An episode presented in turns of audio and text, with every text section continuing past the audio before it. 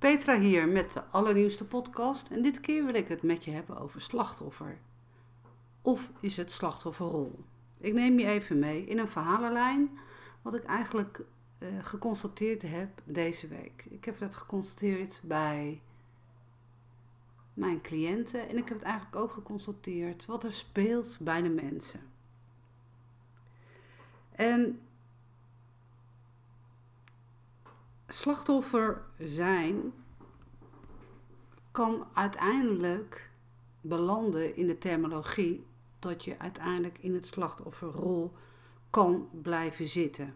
Ik zeg met nadruk kan. Je kan namelijk iets diep van binnen voelen dat totaal niet met jou, zeg maar, uh, samenstroomt. Ik geef een paar voorbeelden. Je kent vast wel die mensen die elke keer als je ze hoort praten, dat ze elke keer het verhaal hebben wat hen allemaal is aangedaan door de grote boze buitenwereld. En in het begin vind je het allemaal heel vervelend voor ze. En je hebt het gigantisch met ze te doen.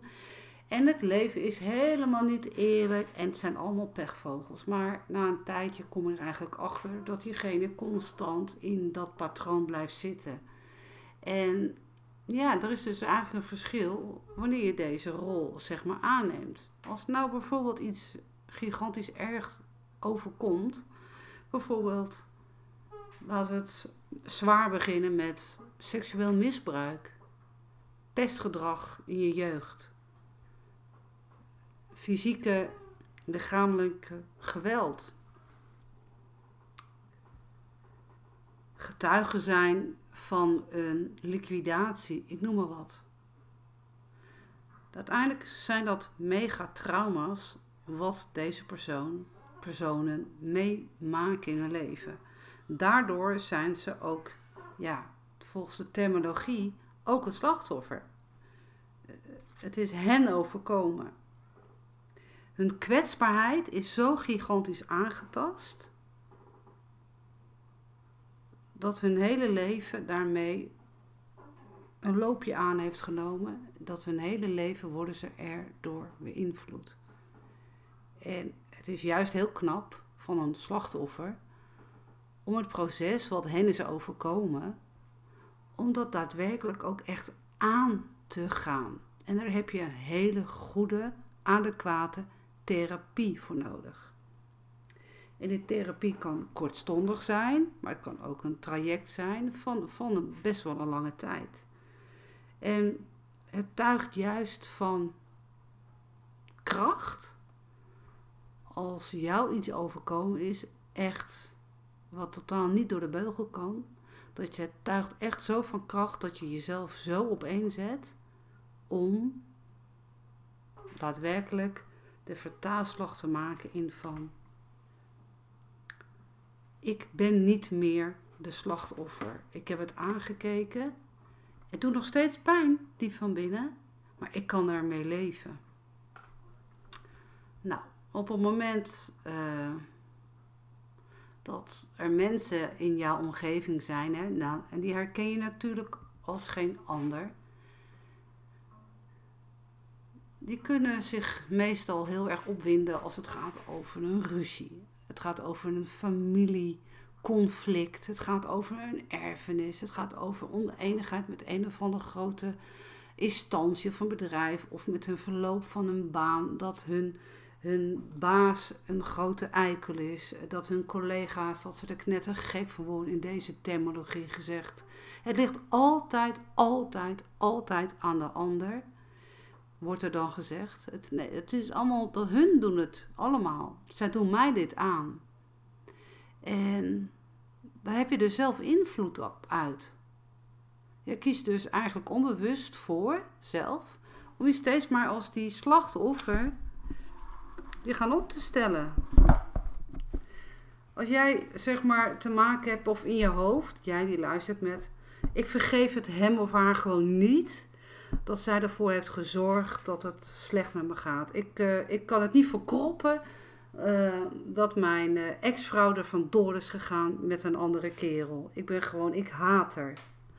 Luister naar de woorden die ik zeg. zijn best wel pittig.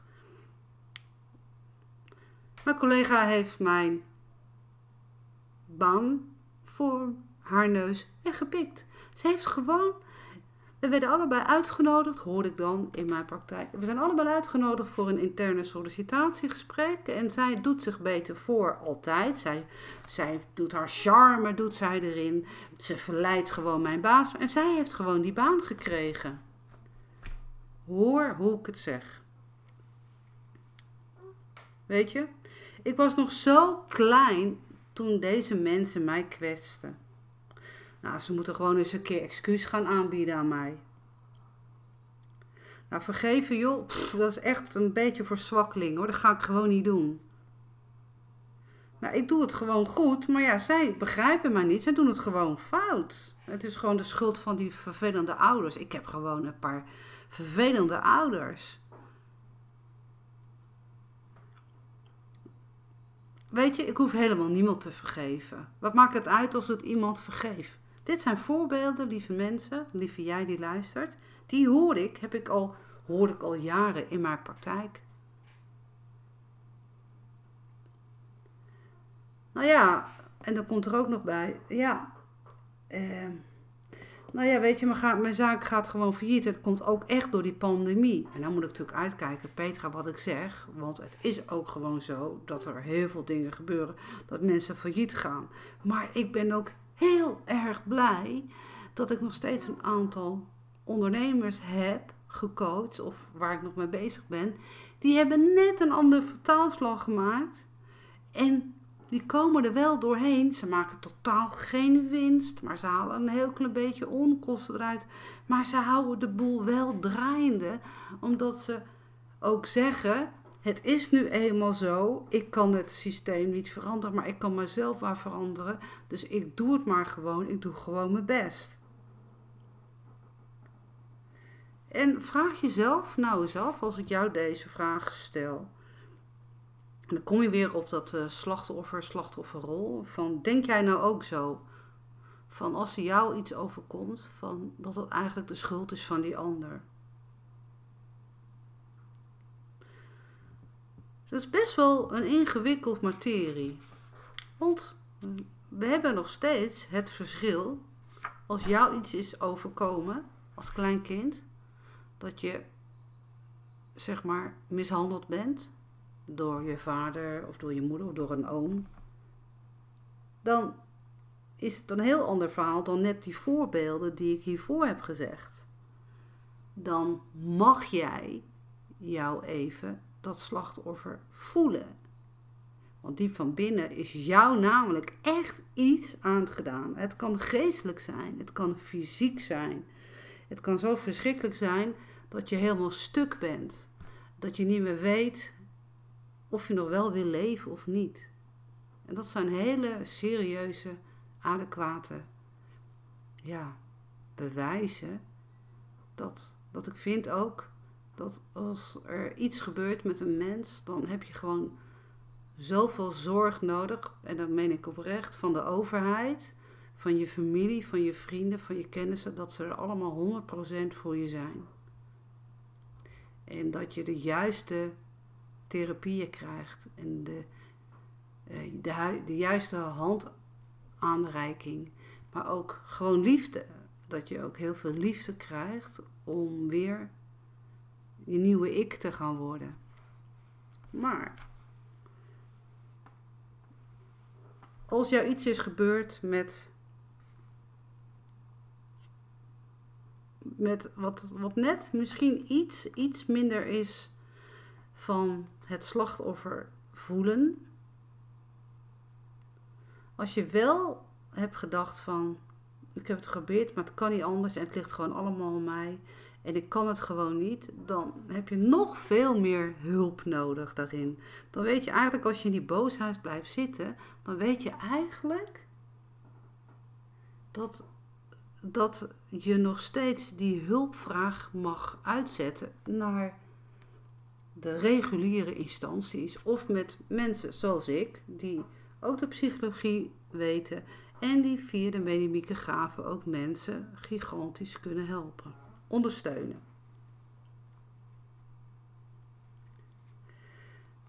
Want wat zo belangrijk is in dat hele slachtoffergevoel, degene die jou.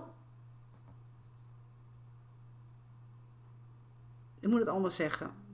Degene die het moeilijkste vergeven valt, is ook degene die jou de belangrijkste lessen kan leren. Dat is heel, heel moeilijk. Als je leert om genoeg, al een beetje, dat je leert om van jezelf te gaan houden, dan kom je ook echt boven deze hele nare herinneringen. Dan ga je uitstijgen. Wordt het makkelijker om misschien wel begrip te gaan opbrengen en het te vergeven. Maar begrip mag je ombuigen naar een soort mededogen. Dat je zeg maar begrijpt waarom diegene dat gedaan heeft. Maar dat wil niet zeggen dat je het hoeft te vergeven. Ik lees altijd in alle hulpboeken, en ook in de psychologie, is mij ook geleerd dat je mensen moet vergeven. Paranormaal technisch, het universum, zegt tegen mij Elk mens heeft namelijk verantwoordelijkheid te nemen in zijn of haar leven. En als je bijvoorbeeld zegt: Ja, ik vergeef. Ik vergeef mijn oom die mij seksueel heeft misbruikt. Hoezo moet jij deze man vergeven? Kijk, ik ga het je uitleggen. Hoe ik het zie, op zielsniveau. Toen je daar nog niet was geboren, was je ziel een gouden ziel. En dat ben je eigenlijk nog steeds, hè? want dat zit in jou. In die ziel van jou zit iets prachtigs, iets moois. Maar deze ziel heeft op een ander level, in de andere dimensie, waar je ook weer naar terug gaat als je er niet meer bent, als je doodgaat, dan ben je weer terug bij jouw eigen mooie ziel. En deze ziel zegt: Ik wil geboren worden als Piet. En uh, ja, zeggen andere mensen. En uh, ik word dan je vader. Mensen roep ik, ik bedoel de zielen. Dan zijn er andere zielen die zeggen: nou, nou, als jij je dan Piet gaat noemen, dan ik word dan je vader, ik word dan je moeder. En uh, ik word dan je oom. En een ander zegt: Ik word je zus. Nou, dit zijn allemaal ziel levels, niveau, energie. En dan word jij geboren. Jouw unieke wezen belandt in een fysiek lichaam. En in dat fysieke lichaam word je gekoesterd. Je wordt geboren. En dan ben je eigenlijk vergeten wie je bent. Wie je daadwerkelijk bent, diep van binnen. Omdat er juist levenslessen geleerd mogen worden. Want dat heb je namelijk afgesproken op dat andere level. En soms kan je wel eens afvragen, hoe kan het nou zo stom zijn geweest om dat nou allemaal te kiezen en te willen ervaren. Maar ik zeg altijd heel vaak, dit gaat buiten jouw menselijke verstand. Dit kan je gewoon heel moeilijk begrijpen. Maar als je naar die andere dimensie gaat, en je kan, zeg maar, zoals ik communiceren met het universum, dan krijg ik die antwoorden en ik krijg dat gewoon allemaal door om het jou uit te leggen. Dus stel je nou eens voor, dan heb jij gekozen om te leren uh, wat het is om fysiek geweld te gaan doorgronden. Nou, dat is wel een uh, aparte keuze, denk je nu weer in je hoofd. Maar nogmaals, Sluit even je denkhoofd even uit. Zet hem even op nul. Het gaat over de zielconceptie. En de zielconceptie is veel groter en veel breder en zoveel meer invloed en energie dan het fysieke lichaam. Op aarde hebben wij als fysiek mens aardse lessen te leren en op, als ziel hebben wij op groot zielsniveau lessen te leren. En het zijn slechts spiegels. Wat is onze werkelijkheid? Wat is onze realiteit? Maar oké, jij bent Piet. En dan kom je erachter, in je jonge jaren, dat jouw vader wel gigantisch veel losse handjes heeft. En hij heeft die jonge losse handjes, die heeft hij echt vaker als hij een borrel op heeft. Kortom, je vader is een alcoholist. En jij krijgt altijd, als die in een dronken bui is, krijg jij de knallen. Want jij dacht, ik ga ze opvangen voor mijn moeder. Jij wil je moeder beschermen. Dan begrijp je eigenlijk al dat er een actie in werking is gezet. Jij valt, vangt al die, dat geweld van je op. Maar twee, er zijn twee mensen die ook wat mogen leren in dat mensconcept. Je moeder moet leren, ik zeg dan moet, om, van, om op te komen voor zichzelf, om er wat aan te gaan doen. En twee, jij die het ondergaat, die de tikken krijgt, heeft ook iets te leren, namelijk dat je opkomt voor jezelf, dat je om gaat buigen. En dan opeens, uit het niks, zit er een soort motor in jezelf die zegt, en nou ben ik het zat op een bepaalde leeftijd. En je komt in actie. Je schakelt de politie in. Je schakelt de hulpverlening in. En je vader uh, wordt uit het ouderlijke macht ontrokken. Uh, je ouders gaan scheiden. En jij besluit ook op latere leeftijd om nooit meer alcohol te gaan drinken. Want dan heb je namelijk een patroon verbroken. En dit klinkt eigenlijk allemaal heel ingewikkeld. Maar als jij dan later zo boos wordt om. Als je alleen maar hoort in je omgeving: er is geweld, er is geweld, er is geweld. En dat, en dat is echt een trigger. Je wordt er zo gigantisch door getriggerd. Je wordt er zo boos om. En dat heeft dan ook te maken omdat dat natuurlijk jou is overkomen. En dan zeg ik altijd tegen mensen: ga hulp zoeken, ga er wat aan doen. En dan kom je er eigenlijk achter. Dat als je die hulp hebt gezocht, dat je gaat inleven hoe het komt dat die vader zulke losse handjes had. Hoe het eigenlijk kon waardoor die dronk. Dat is een soort mededogen, is een soort begrip, maar daaronder valt namelijk niet dat je hem of haar hoeft te vergeven. En waarom niet? En dan kom ik tot een belangrijk punt, omdat het op universeel niveau wordt gewoon tegen mij gezegd: je kan alleen maar vergeven als je zelf overlijdt. Dat is één. En twee, die vader van die Piet, die had ook een keuze in het huidige leven van zijn hogere eigen ik, het stukje ziel wat in hem zat, om juist niet te gaan slaan. Hij had ook keuze om niet te gaan drinken. Dat is best wel lastig en ingewikkeld om dit zo uit te leggen, maar dat zit wel in ons systeem we hebben altijd in ons systeem een soort wake-up call, noemen wij het, bij het universum. Het is een wake-up call die uiteindelijk beslist van oké, ik ben de vader van Piet, ik ben dronken en dan komt er een soort automatisch piloot in hem dat hij besluit, ik ga nu geen dreunen meer uitdelen en ik stop met het alcohol.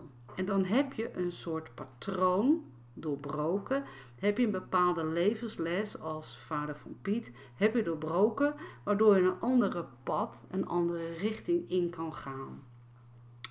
Met andere woorden. Als je dat doet, dan word je een stukje vrijer. Dan kan je voor jezelf een iets tevreden leven creëren.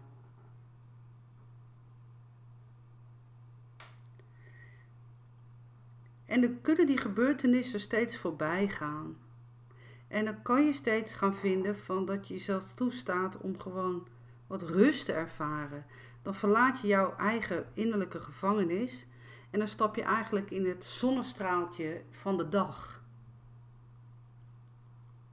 En als je zelf steeds blijft in de toestand van het wordt me allemaal aangedaan, dan dan wil je eigenlijk alleen maar de ander betaald zetten. Maar het werkt gewoon niet. Want wat je uitzendt, dat komt gewoon linea recta bij je terug. En het verleden loslaten is eigenlijk los in het laten. Je tegen jezelf zeggen: Ik ga nu proberen om mij eroverheen te zetten. Ik ga nu proberen om echt adequate specialistische hulp in te zoeken die me helpt met mijn trauma. En die me leert om te gaan met mijn eigen gedrag. En als je dat doet, dan ga je lekker weer voor jouw eigen spiegel aan. En dan zeg je tegen jezelf: Ik ben zo trots op mezelf dat ik verder ga. Ik ben zo blij met mezelf dat ik gewoon probeer om van elke dag gewoon een blije dag te maken. En zo kom je beetje een beetje uit het gevoel van slachtoffer te zijn en in die slachtofferrol. Maar ik zeg ook heel eerlijk, lieve mensen, en lieve jij die luistert, als jij in een omgeving bent waar mensen zijn die verschrikkelijk negatief zijn, die alleen maar lopen te zeuren, te piepen, te klagen en gewoon negatief zijn. Laten we dat het woord zeggen. Die altijd in die oneindigheid zitten van het strijden. Van ja, maar dit. Als nou is dat. Het kan toch niet zo wezen. Die terminologieën. Maak voor jezelf nou eens een besluit. Word ik nou echt blij van deze mensen? Kies dan echt eens voor jezelf. Want dat is zo belangrijk voor jezelf kiezen. Want waar jij aandacht aan schenkt, en als het positieve aandacht is met hele leuke mensen om je heen, waar je mee kan lachen, waar je een onwijs goed gesprek mee kan hebben, uh, die er gewoon zijn, als jij niet lekker in je vel zit, die gewoon je nemen zoals je bent, met je vrolijkheid en je zagrijnigheid, want we zijn ook mens. Kijk, aan die mensen, dan, daar heb je wat aan. Maar juist die mensen, en dat zijn ook heel vaak familieleden, want die willen namelijk jou een spiegel voorhouden. Jij hebt een spiegel, jij hebt een spiegel naar de ander toe en zij hebben ook een spiegel naar jou toe. Van, wat wil je nou eigenlijk? Wil je omgaan met die zus die altijd loopt te, te miezenmausen, die stront jaloers op je is? Wil je daarmee omgaan? Wat is mis mee om het eh, contract te verbreken? En dat je misschien dingen moet doen in het, in, het, in het geheel voor je vader en je moeder. En je hebt het wel met haar te doen. Hou het dan sumier. Regel alleen de dingen die nodig zijn en voor de rest verbreek het. Daar is niks mis mee. Je mag altijd kiezen voor jezelf. Want als je echt kiest voor jezelf, dan weet je altijd dat jij altijd baas bent over jouw eigen keuze. Want jij bent namelijk de enige die tegen jezelf kan zeggen: Ik heb rust. Ik ben eigenlijk wel blij met mezelf. Ik doe het eigenlijk goed. Kijk, als je dat doet, dan kom jij al een heel stuk verder. Mocht jij behoefte hebben naar deze podcast, behoefte hebben om met mij te gaan sparren. Nou, heb je een eigen bedrijf, ben je ondernemer, zie het gewoon even niet zitten van hoe kan mijn bedrijf beter stromen? Uh, loopt het niet helemaal lekker op je werk met collega's? Of zit je gewoon met andere vragen van, ik weet niet zo goed om te gaan met mijn hooggevoeligheid? Of ja, ik voel de dingen aan en ik weet van er geen raad mee. Maak dan gewoon eens een uh, eh, 60 minuten sessie met mij. Ik ben er voor je. En blijf er nou gewoon niet te lang in hangen. Want ik heb altijd geleerd, lieve mensen, en dat meen ik echt uit de grond van mijn hart als je echt aan jezelf werkt, dan krijg je echt een zo fijne leven voor terug. En dat meen ik echt. Ik wens jou een hele fijne dag.